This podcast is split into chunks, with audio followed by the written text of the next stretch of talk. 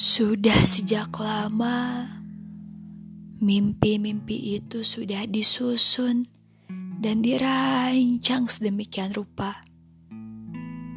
Tapi pada suatu waktu, si pikiran negatif dan berbagai kecemasan yang kerap hadir, seperti tamu tak diundang di setiap ingin terlelap, membuat rasa untuk mencapai mimpi-mimpi itu pun dalam sekejap tiba-tiba raib. Raib dibawa pergi oleh isi kepala sendiri. Hingga tersadar, ternyata diri sudah tak mengenal dirinya sendiri.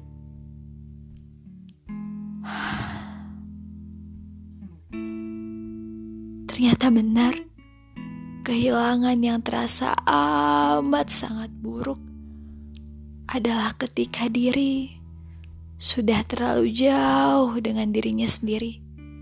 Jauh hingga tak tahu apa yang diinginkan diri, sebab terlalu sibuk mendengar berbagai macam mulut yang menyuarakan pendapatnya.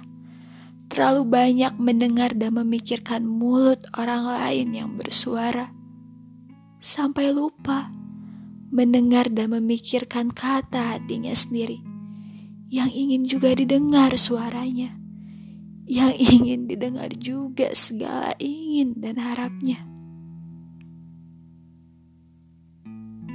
Pada akhirnya, diri pun sudah terlanjur lupa dengan segala ingin dan harapnya.